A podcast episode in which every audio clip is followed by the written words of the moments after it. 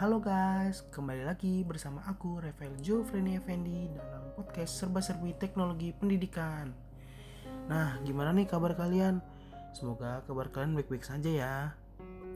Oke, di podcast kali ini aku akan membahas mengenai materi inovasi pembelajaran.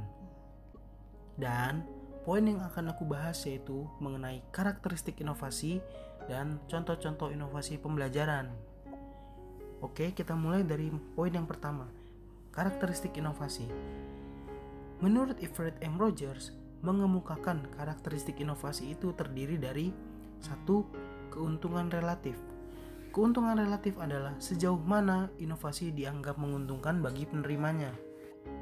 Yang kedua ada kompatibel. Kompatibel adalah suatu tingkat kesesuaian inovasi dengan nilai atau value, pengalaman lalu, dan kebutuhan dari penerima.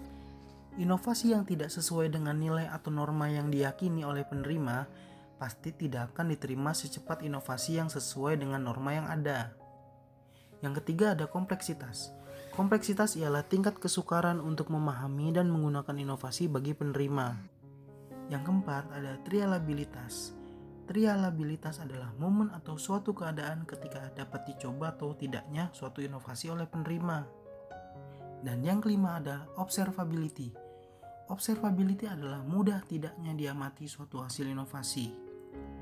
Suatu inovasi yang hasilnya mudah diamati akan makin cepat diterima oleh masyarakat dan sebaliknya, inovasi yang sukar diamati hasilnya akan lama diterima oleh masyarakat.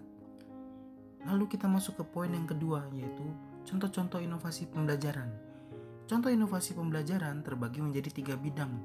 Yang pertama ada bidang satu, bidang pembelajaran. Dalam bidang pembelajaran, kemudian dibagi lagi menjadi dua, yaitu pembelajaran kontekstual dan model belajar berbasis komputer atau teknologi. Yang kedua ada bidang media. Dalam bidang media, contoh inovasi yang pertama yaitu e-learning, lalu ada augmented reality dan virtual reality. Lalu bidang yang terakhir adalah bidang teknologi kinerja. Contoh inovasi dalam bidang teknologi kinerja yaitu berupa pelatihan SAS atau sistem administrasi sekolah guna untuk meningkatkan kinerja para guru dan pegawai tata usaha dalam memanfaatkan teknologi informasi untuk administrasi sekolah. Oke, cukup sekian dulu podcast dari aku. Semoga bermanfaat dan sampai jumpa di podcast serba-serbi teknologi pendidikan selanjutnya. Goodbye.